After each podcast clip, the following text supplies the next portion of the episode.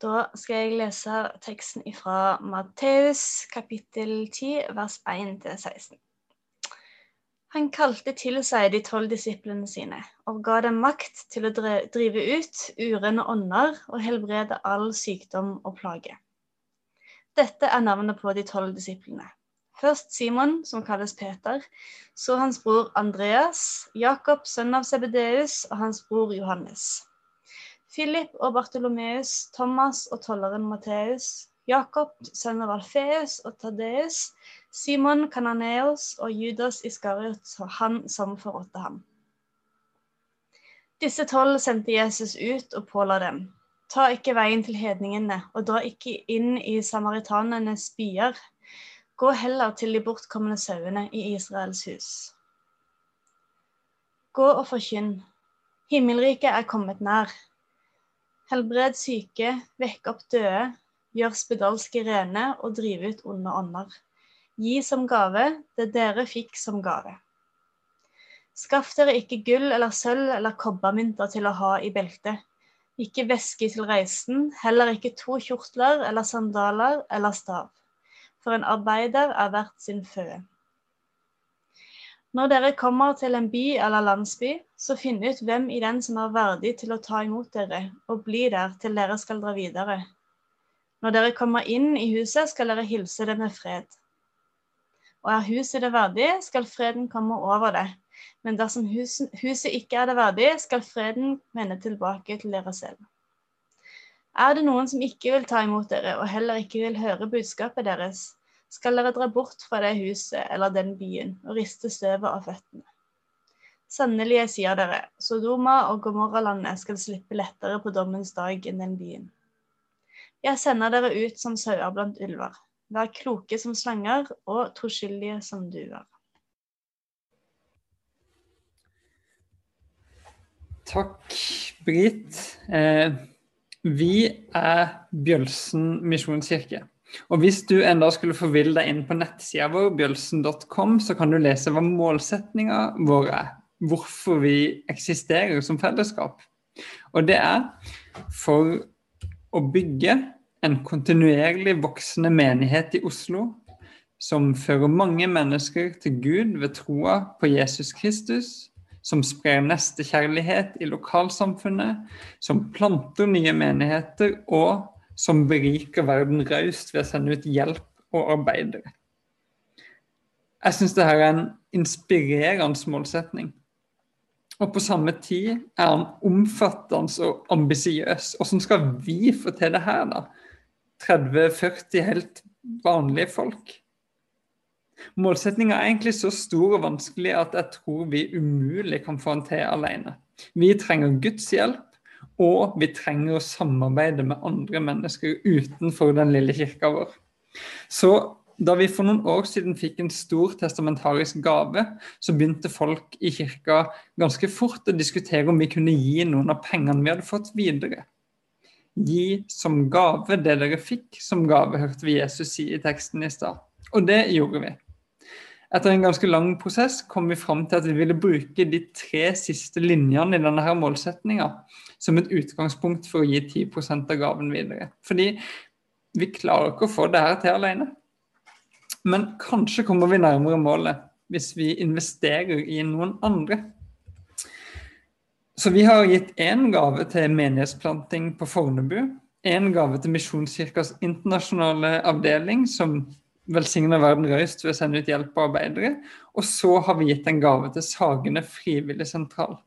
For hvem er vel bedre enn de på å spre nestekjærlighet i lokalsamfunnet vårt? Så i dag så har vi invitert Eleni Maria Stene hit. Hun er administrasjonsleder på Frivilligsentralen. Og jeg skal nå få lov til å ha en samtale, et slags intervju med henne, sånn at vi kan få et innblikk i hvordan Frivilligsentralen sprer nestekjærlighet blant de som bor i Sagene bydel. Jeg tror og håper at dette intervjuet vil fylle oss med en takknemlighet over hva pengene vi har gitt videre, er med på å gjøre. Jeg håper det kan inspirere oss til å gi mer fra våre egne lommer. Jeg håper at det kan inspirere noen av oss til å kanskje til og med bli frivillige. Til å henge oss på det arbeidet som skjer hos Frivilligsentralen. Og så håper jeg uansett at det vil inspirere oss til å spre nestekjærlighet i våre ulike lokalmiljøer, der vi bor spredt rundt omkring i hele byen. Så Eh, nå skal vi få snakke med Eleni. Anbefaler sånn for, eh, for, dere som ser på å gå opp i høyre hjørne og trykke på 'speaker view', så får dere se meg og Eleni først og fremst. Det kan i hvert fall være fint å følge med på den måten. Så Eleni, velkommen til oss. Først må vi bli litt kjent med deg. Hvem er du? Hei, hyggelig å få lov å komme. Selv om det er digitalt, så er det allikevel artig å få være med dere. Jeg heter altså Eleni. Jeg bor eh, og har bodd på grensa mellom Grünerløkka og Sagene bydel de siste 20 åra. De siste to åra har jeg jobba på Sagene frivilligsentral.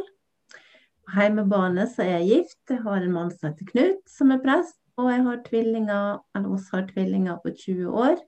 Isak og Lavrans. Og en liten hund som heter Rufus. Så det er fullt liv både hjemme og på frivilligsentralen.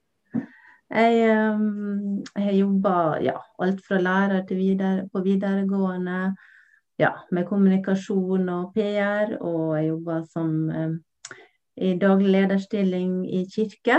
Så de siste ti åra har jeg hatt sånn type kirkelige stillinger. Og så var jeg en god periode i den kristne folkehøyskolerørsla. Kanskje noen av dere har gått på folkehøyskole?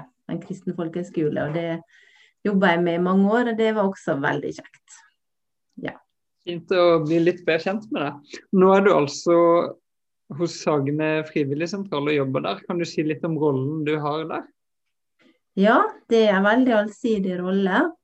Jeg søkte på administrativ leder, og vi er altså ikke så mange ansatte. Det er en daglig leder, Hilde. Og så er det Johanne som driver bua, og resten er frivillige.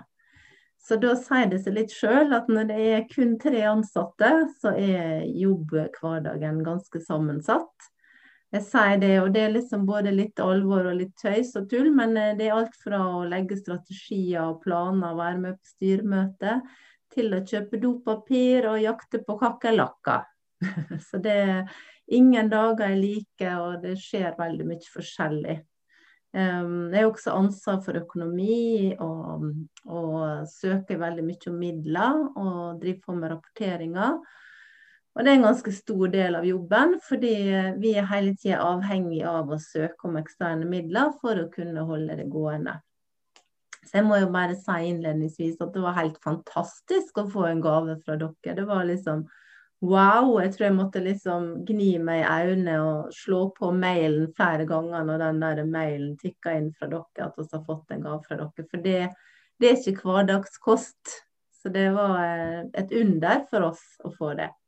Og jeg som da satt som ganske ny administrativ leder eh, i fjor, så, og jeg satt også og grubla på om, ja, om et halvt år hvordan skal vi ha råd til å betale husleie og lønn og litt forskjellig her. Og så tikka den mailen inn, og det ga en helt enorm trygghet for oss. Så det vil jeg bare takke veldig masse for. Mm. Så ja. fantastisk å høre. Vi var jo sjøl i en litt sånn økonomisk pressa situasjon da vi fikk den enda større gaven som vi ga noe videre til dere. Så det er utrolig fint når noe sånt skjer. Eh, vi må få høre litt mer om Frivilligsentralen. Noen av oss kjenner godt til arbeidet deres, andre gjør ikke. Så litt sånn helt praktisk først, hvor ligger Sagene frivilligsentral? Vi ligger jo faktisk på uh, Sandaker, selv om det heter Sagene frivilligsentral. Så var det på Bjølsen tidligere. Uh, jeg tror det var i 2012 det ble flytta. Man trengte større lokale, så vi ligger faktisk i andre etasje på Sandaker senter litt sånn på oppsida. Og der har vi en kafé i Sandakerveien 61. Og så ligger bua i første etasjen. Bua og Sagene der vi har sport- og fritidsutstyr som vi låner ut gratis. Og så har vi Frivilligsentralen sin lokale som er flere møterom og kapell og resepsjon. Og ja, og så er klasserom for språkklasse og sånn. Og så er det liksom mye liv inne i kafeen som er åpen fire dager i vika. Så det er en av Oslos største sentraler. Jeg tror det er rundt uh, I fjor så hadde vi uh, hva det heter, all time high med uh, 370 registrerte frivillige. Det er ganske mange. For Det betyr ikke at det er 370 der hver uke. Det er ofte de samme, eller en god del som er veldig aktive hver uke. Og så er det kanskje noen du ser en gang i året eller noe sånt. Så det er stor variasjon. Alderen er fra 18 til 90 år av de som er frivillige, så det er veldig et stort spenn. Og det er folk fra alle verdensdeler. Folk som kanskje er nye i Norge, eller det er unge elever som er ferdig på videregående, som har lyst til å ha et friår, som har lyst til å jobbe litt, har lyst til å være litt frivillig og få nye erfaringer.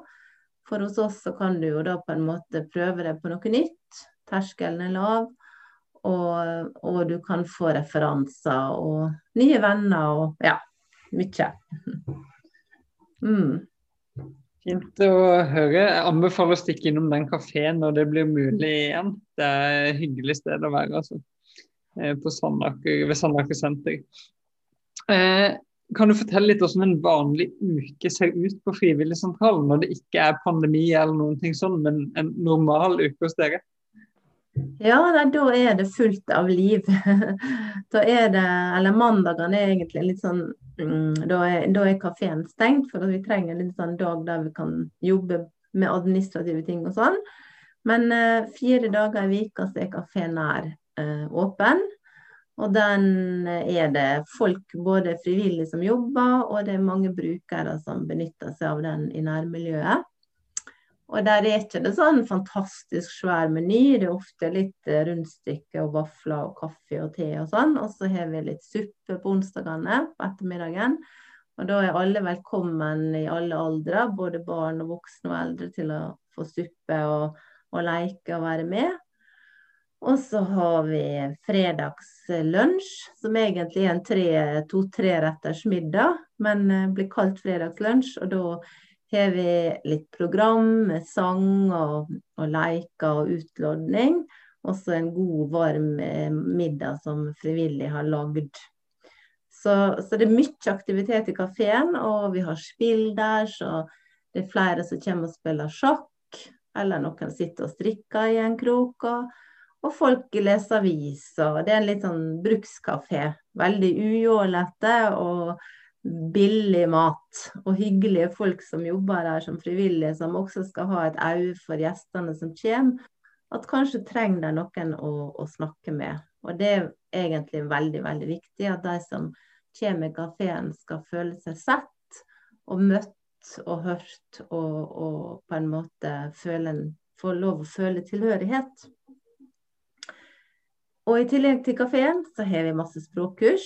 Eh, vi har på alle nivå fra A1 til B2. Og vanligvis er det liksom helt fullt på kursene. Fem-seks kurs som vi har i løpet av vika, både formiddag og ettermiddag. Og kanskje mennesker fra mellom 40 og 50 nasjoner et vanlig semester. Og det er utrolig gøy, syns jeg. fordi at eh, du kommer inn på sentralen, og så er det folk i alle aldre og fra alle land og masse forskjellige språk. og Noen drikker te, og noen drikker kaffe, og noen står utafor og venter på sommeren. og ja, Det er veldig liv og røre, da.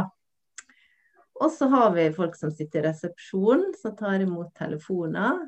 Som organiserer frivillige som hjelper folk f.eks. å følge dem til lege eller tannlege eller på butikken og handle. Eller hjelpe noen å flytte, eller sette i en lyspære, eller måke eller hogge ved. Ja, masse forskjellige oppdrag som kommer inn, som eh, vi, vi organiserer frivillige da, som går ut og kan gjøre tjeneste for folk.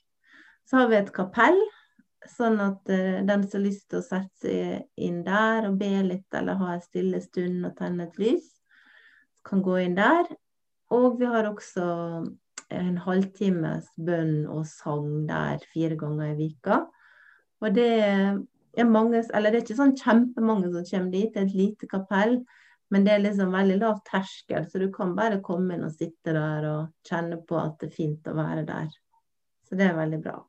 Og så har vi hatt bibel og suppe på onsdag ettermiddager, der det er egentlig ved mange pensjonister som har delt søndagens tekst. Og så har de spist suppe og drukket kaffe og prata sammen.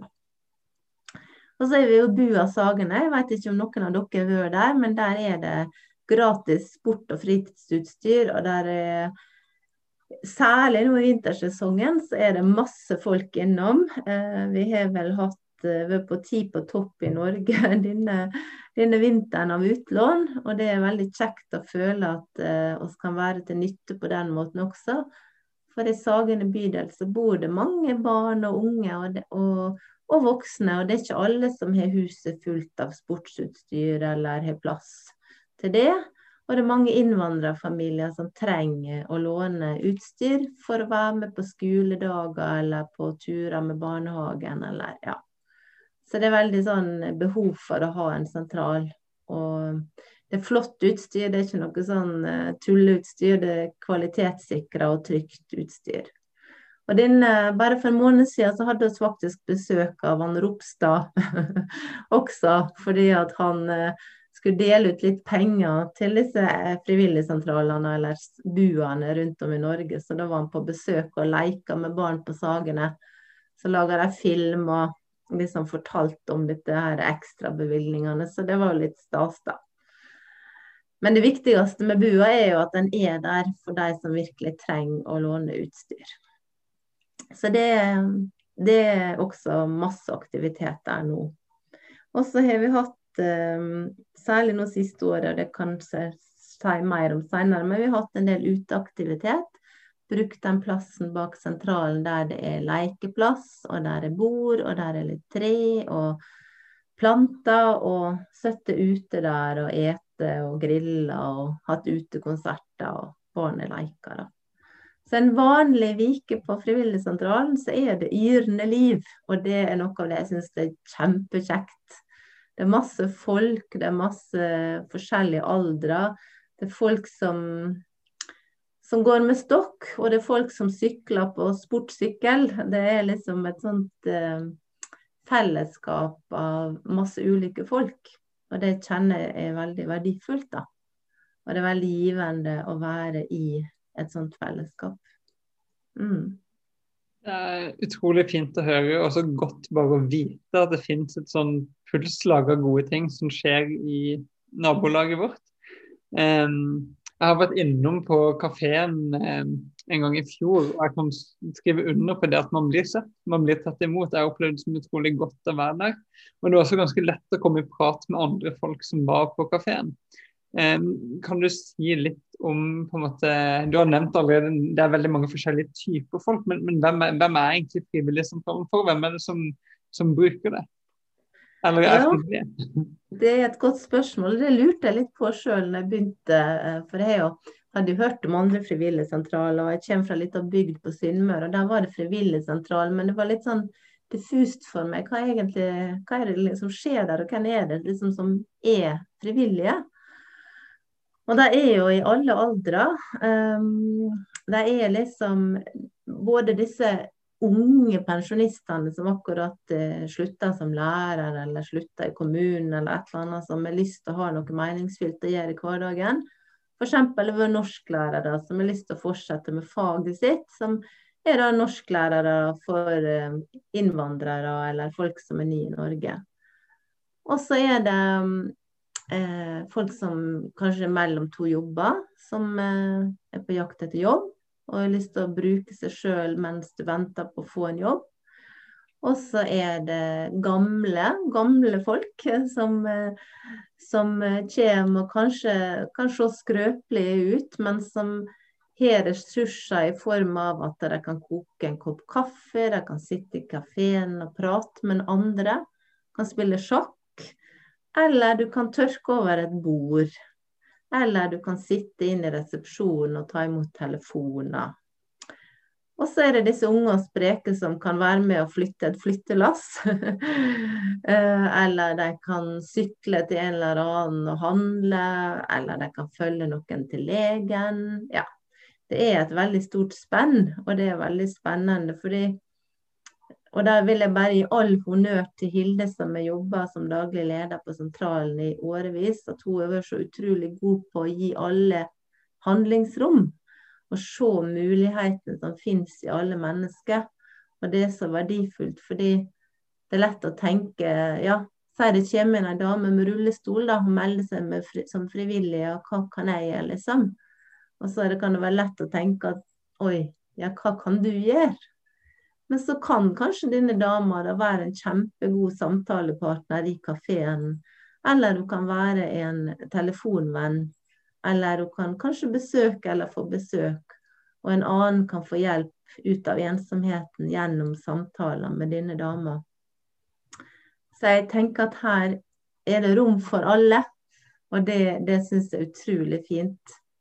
Um, og i den sammenheng også lyst til å nevne at vi har sånn folk som er på fri soning, uh, som kommer. Og det kan være unge folk, det kan være middelaldrende og faktisk også eldre. Som har, uh, har dommer de skal sone, som da de kan få bruke en dag eller to hos oss som en del av soninga. Og Der er det utrolig mange gode historier, men jeg har lyst til å nevne én eller to, hvis jeg får lov. og det er, um, det er en som uh, Han fikk faktisk den, uh, den uh, største dommen som er blitt gitt i Norge for tagging. For han har tagga så mye rundt i Oslo. og Noen vil jo si han har ødelagt mange bygg, eller i hvert fall i fall tagga rundt på plasser som ikke var lov å tagge, og han fikk en ganske streng dom. Og han fikk sone en del av dommen sin gjennom et år på Sagne frivilligsentral. For han så ble det liksom en restart på livet. Han jobba i kafeen, han hjalp eldre, og han ja, begynte å tro på seg sjøl kanskje på en ny måte. Og han, han eh, starta en ny utdanning eh, gradvis, og er nå eh, jeg tror ble, han ble byggingeniør og er nå leder på en byggeplass. Og han, han, sa det at den der starten han fikk i livet igjen på sentralen, det var, det var, litt som å få et nytt liv. Og det er så utrolig godt å høre og se at, eh, at noe så enkelt, på en måte som å jobbe i kafeen og lage kaffe og prate med folk, at det kan restarte livet ditt litt, da. Og så har jeg en annen historie om eh, ei anna dame som jeg møtte i fjor, på min alder. Sikkert levd et litt tøft liv med rus og ja, dårlig økonomi og mange, mye som var ustabilt. Og gjennom de månedene hun var der, så var hun med i kafeen og kokte kaffe og tørka bord og prata og sånn. Og så sa hun til meg, jeg tror det var nest siste dagen hun var der, at bare stoppa meg i gangen. Og så sa hun at vet du hva, det betydde så utrolig mye for meg bare at oss har hatt disse små samtalene i forbifarta. Og det var sånn Oi, jeg kjente jeg nesten begynner å grine sjøl. For det at Oi, har det betydd noe, liksom? Bare sånn i full fart. Og det um, Hun trengte bare disse små samtalene det å bli sett og hørt og få føle seg nyttig. Og det ja, for meg så er det kanskje noe av det mest verdifulle ved å være på sentralen og få oppleve sånne møter, da. Så det er veldig fint.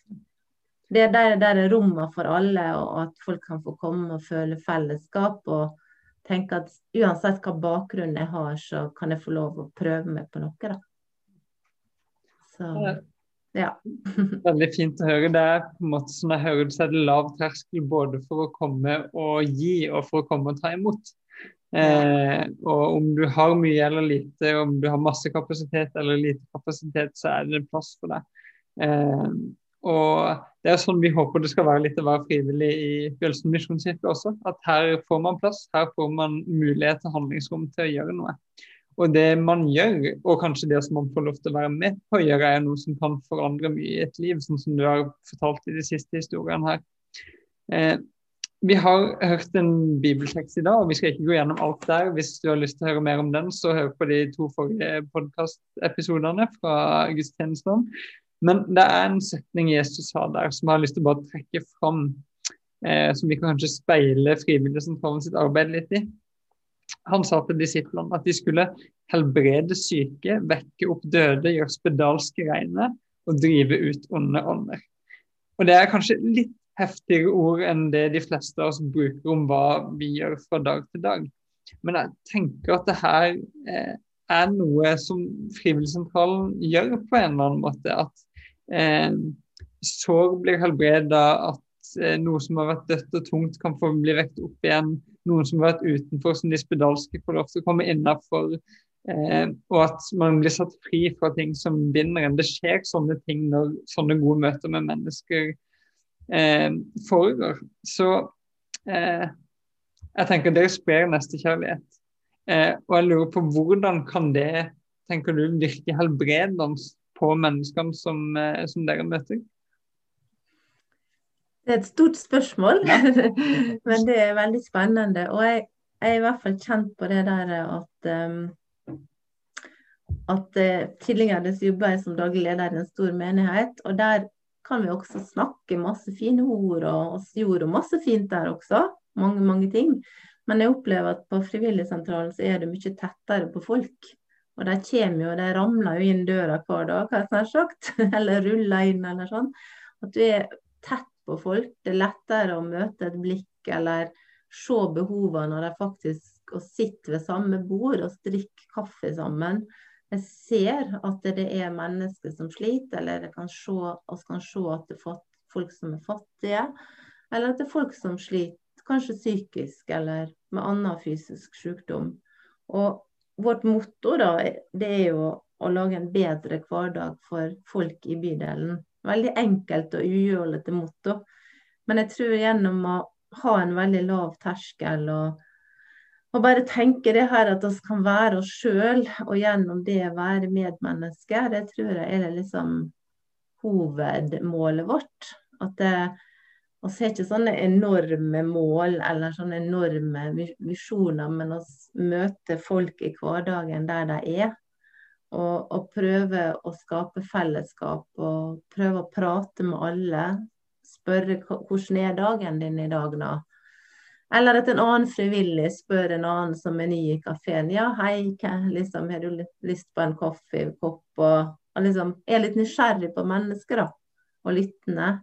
Um, og hele tida tenke at vi skal leve i nestekjærlighet.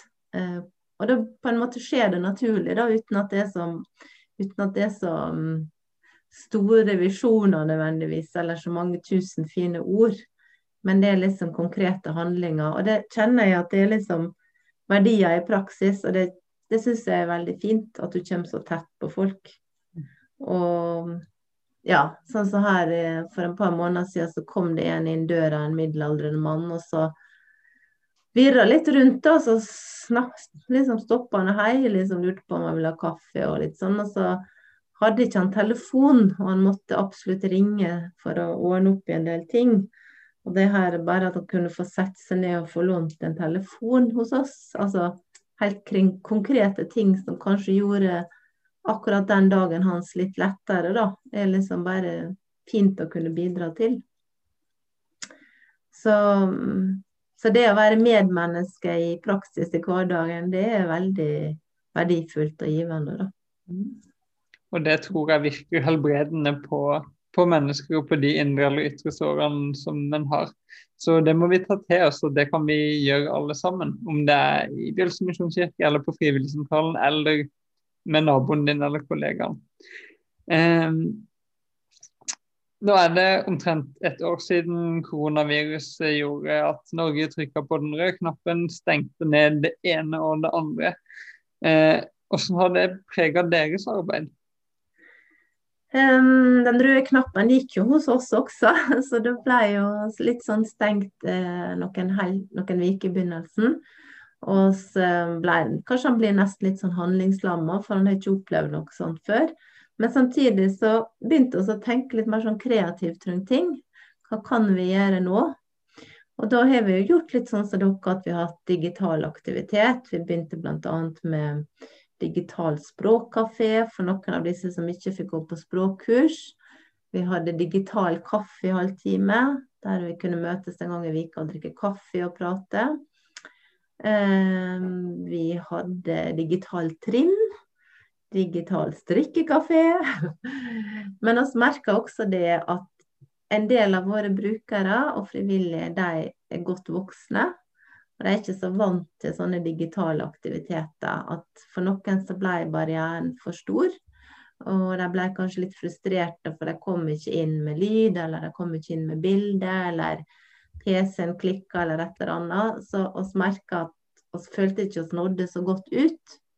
Så vi var veldig glade etter påske noen uker etterpå når været begynte å bli bra. Og da begynte vi med utelunsj og drikke kaffe ute på benkene utenfor sentralen. Og lage vafler og ta med vafler ut. Og, og så en annen veldig kjekk ting som skjedde, var at det var en frivillig som foreslo turgruppe.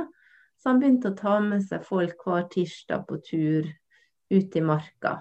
Og den turgruppa den er liksom gått hele året, og flere er blitt med. og Det har gått lange turer, korte turer, og grilla og drukket kaffe. og Det er blitt en sånn både fint for de som er med, sånn at de får treffe folk og snakke med folk, og de får fysisk eh, mosjon, da. Så det er vel veldig bra. Og så flytta vi liksom ut mer sånn type ting som vi ville hatt inne, f.eks.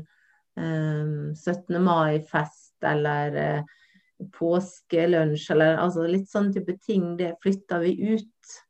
Og så har vi hatt konserter ute, og vi hadde eh, korps som kom og spilte for oss et par ganger. Og, og ja, gjort litt mer ting ute. Og det er jo fullt mulig når været går an. Og i bua så hadde vi ungdommer om sommeren som var med og drev bua aktiv. Da tok de med seg masse sportsutstyr og dro rundt i parker og på lekeplasser der det var barn, og lånte ut utstyr og leker med barn. Og, og det merka særlig i sommer, der det var mange som var hjemme. Og mange i Sagene bydel har heller ikke råd til å dra på ferie på hytte eller rundt omkring. Eh, så det at noen kom til dem og aktiviserte dem og hadde med leker og utstyr, det var veldig verdifullt for dem. da. Så også opplevde på en måte at koronasituasjonen både utfordra oss veldig på, på, å tenke nytt, og, og, at du opplevde at noen frivillige ble veldig redd for å bli smitta, og kom kanskje ikke på sentralen. Og andre de kom og ville bare gjøre veldig masse, masse ting. Og um, vi fikk gjort en del inne når det ble lov å ha litt aktivitet inne igjen. Og så merka vi også at det var utfordrende noen ganger å heve det helt fram til nå. Det der eh, at noen forstår ikke reglene, eller de glemmer dem. De er gamle. Um, det er ikke så lett å huske. Og noen kommer kanskje fra en annen kultur, der du ikke er vant til å lytte til myndighetene sine råd. og da er det utfordrende på en måte å, å kanskje ta alt dette her inn over seg, da. Mm. Så det har vært situasjoner vi har stått i der vi har tenkt at oi, vi vil så gjerne møte disse gamle og disse eldre og alle de som er ensomme nå. Men samtidig så har vi følt på at uh, vi klarer ikke å holde smittevernreglene godt nok. Og det har vært faktisk ganske krevende. Så er to ting som uh, jobber mot hverandre. Det å skulle nå ut til folk og passe på at folk ikke er for tett på hverandre. Eh, du kan jo si litt, kanskje, Dere er jo tett i kontakt med mange i bydelen. Og når det er en så pressa situasjon som en pandemi, så, så kommer en del eh, altså De som har det vanskelig, får det ofte vanskeligere. Kan du si noe om hva slags behov dere har sett, sett i, i, løpet av de, dette året? Um, også sett at bl.a. at det er fattigdom.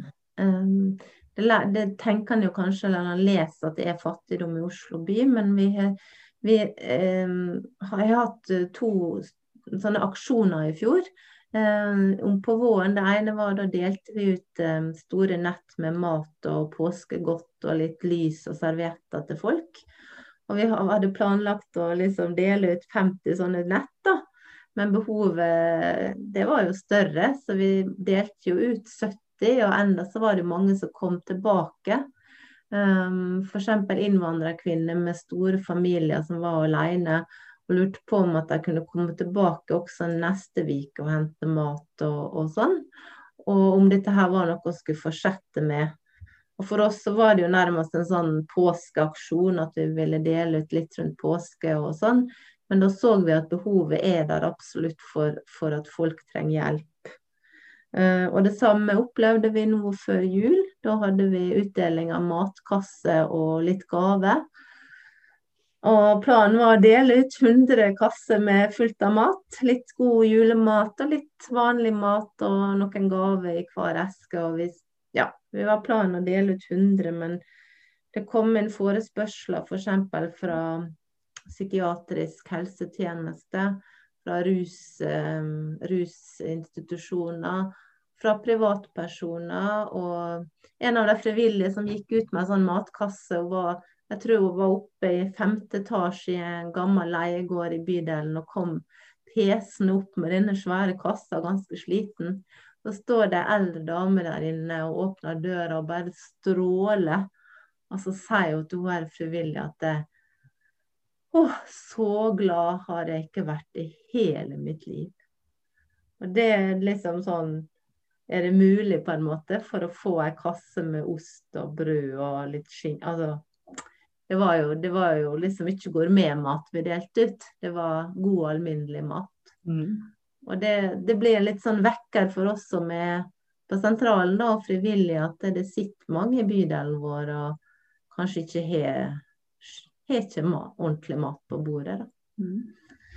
Og vi opplevde også at disse innvandrerfamiliene, altså en del av kom tilbake og lurte på om ja, kan naboen min også få? Kan vi komme tilbake neste uke? Har, jeg har sju barn, og jeg vet ikke hvordan vi skal få jula til å gå opp. Mm. Så det er også vår virkelighet i vår bydel. Ja, det er krevende å høre, og godt å høre at det går an å møte. Eh, vi skal nærme oss en avslutning nå. I målsettinga til kirka så står det som nevnt at vi ønsker å spre nestekjærlighet i lokalsamfunnet. Og da vi ga penger videre til dere, så var jo ikke det for å Det var jo for å investere i noe sånt, men ikke for å delegere ansvaret vårt bort. Eh, så har du noen tanker om hvordan vi som går i Bjølsen misjonskirke kan være med og gjøre en forskjell for de som bor på Sagene og på Bjølsen? Ja, og syns det har vært kjempefint med den støtten vi har fått. Det er vi kjempetakknemlige for. Og så er vi veldig glad for all forbønnen vi har fått. Det betyr noe for oss. Og så er det jo fullt mulig å bli med som eh, frivillig på sentralen. Og det er, det er liksom alle slags oppdrag en kan bli med på. Det er alt fra å være med på en aktivitet en gang i år eller to, til å være med på å sitte i resepsjonen en time i vika eller to og registrere frivillige. Eller å bli en besøksvenn eller en telefonvenn for eh, noen som trenger det i bydelen. Mange som trenger en telefonvenn nå når det ikke er mulig å besøke hverandre. Eller kanskje noen å gå tur med. Så vi er alltid glad og takknemlige for at nye frivillige melder seg. Og han kan tenke både stort og lite om det. Det kan være noen som har lyst til å være med ofte hver uke og ha en oppgave. Eller det kan være noen som kan være med f.eks. å aktivisere barn og unge i ferier, i høstferie eller påskeferie eller jul. Altså at det er sånn folk som er med på um, aktiviteter en gang iblant. Mm. Så um, alle er velkommen. og og så mange ulike ting. Han kan være språklærer, han kan være med på kaféaktiviteter. Det er så smått og stort. Og alle er velkommen uansett alder og, og bakgrunn. Ja. Så hvis noen av oss nå er nysgjerrig på om en kanskje har lyst til å bli med en gang eller to eller ti eller eh, fast, hvor går vi hen da? Da går det an å sende oss en mail kontakte oss på Facebook eller ringe. Og så tar vi kontakt tilbake, at vi ringer tilbake melder tilbake. Inviterer på et lite intervju. Vi intervjuer alle våre frivillige, og vi um, sjekker referanser. Det er litt for å kvalitetssikre at, at folk um, på en måte kan være med på en eller annen måte. Og at folk skal være trygge i møte med våre frivillige. Um, terskelen er veldig lav for å bli, bli frivillige, og det er mange, mange ulike muligheter. Så alle er hjertelig velkommen hvis de har litt tid og lyst. Ja. Veldig fint å høre. En ting vi uansett kan gjøre som menighet, det er å be for de menneskene som bor rundt oss, sånn som vi gjorde bl.a. i begynnelsen av gudstjenesten i dag. Eh, så hvis vi skal få lov til Jeg har lyst til å be litt for dere i dag, og menigheten gjør det samme med meg, så hva er det vi kan be for? kan be for spesielt mennesker i Sagene bydel nå som er ensomme. Jeg tror ensomhet nå er det aller tøffeste for mange. Og mange av våre brukere og frivillige de er, bor alene. De er, har kanskje ikke sånn 1000 venner og stor familie. Jeg tror mange lider av ensomhet. Eh, også litt forbønn om at alle som bruker sentralen, får holde seg friske. Vi vet bare om én som har blitt koronasyk, men han var en eldre mann, ble innlagt på sykehus og var ganske syk. Jeg ber om at folk får være friske og og holde motet oppe. Og at de som bevilger eh, midler til oss, stat og kommune og andre som bemidler penger, at de ser eh, viktigheten av å ha frivilligsentral i Sagene bydel. For vi er hele tida avhengig av støtte for å drive fra år til år. Så fint eh, at du deler med oss. Da har jeg lyst til å bare si takk for at du kom. Så skal jeg be en bønn, eh, og så skal vi etterpå få muligheten til å sende en liten gave fra vår egen lomme til Frivilligsentralen hvis noen har lyst til det. Så tusen takk. Elene gir jo gjerne sånn klappereaksjon på eh, eh, Zoom hvis dere vil det. Eh, og så eh, ber vi. Eh, Gud, takk for at du har kjærlighet for alle mennesker. Takk for at du elsker hvert eneste menneske som bor i den tettpakka bydelen Sagene. Jeg ber nå spesielt for de som, selv om de bor så tett på, mange andre føler seg alene og ensomme. Jeg ber om at mennesker skal få lov til å komme i kontakt med hverandre. At alle på Sagene skal få lov til å ha en venn. Og så ber jeg for Frivilligsentralen. Takker deg for alt det gode arbeidet som skjer der. Og ber om at du må beskytte de som er med. Eh, hjelpe de å holde seg friske. Hjelpe de å finne mening og energi i det frivillige arbeidet de gjør. Og så ber vi om, om at alt det økonomiske og alle rammene rundt skal gjøre at eh, Frivilligsentralen skal få lov til å blomstre i mange år framover. Det ber vi om i Jesu navn. Eh, så jeg lyst til å slutte av med å eh, også bare oppmuntre dere som går i kirka, til å tenke er det noen som trenger min nestekjærlighet i uka som kommer? Noen kanskje i lokalsamfunnet mitt, nabolaget mitt? Og er det noe jeg kan gi de videre? Er det penger, er det tid, oppmerksomheten, oppmuntring? Eh, kanskje til og med budskap om Jesus. Påska nærmer seg. Eh, jeg tipper hvis du tenker gjennom det, så er det noen du kan hjelpe der du er. Og det kan bety masse med små ting. Det har vi hørt fra Frivilligsentralen i dag. Så mens du tenker på det, eh, og mens du eh, kanskje gir en gave på det vips nummeret jeg skal skrive i chatten, så skal vi høre en eh, sang. Eh, du kan synge med hvis du vil, eller du kan bare lytte og tenke. Så tusen takk, Eleni. Nå blir det en bolk med lovsang.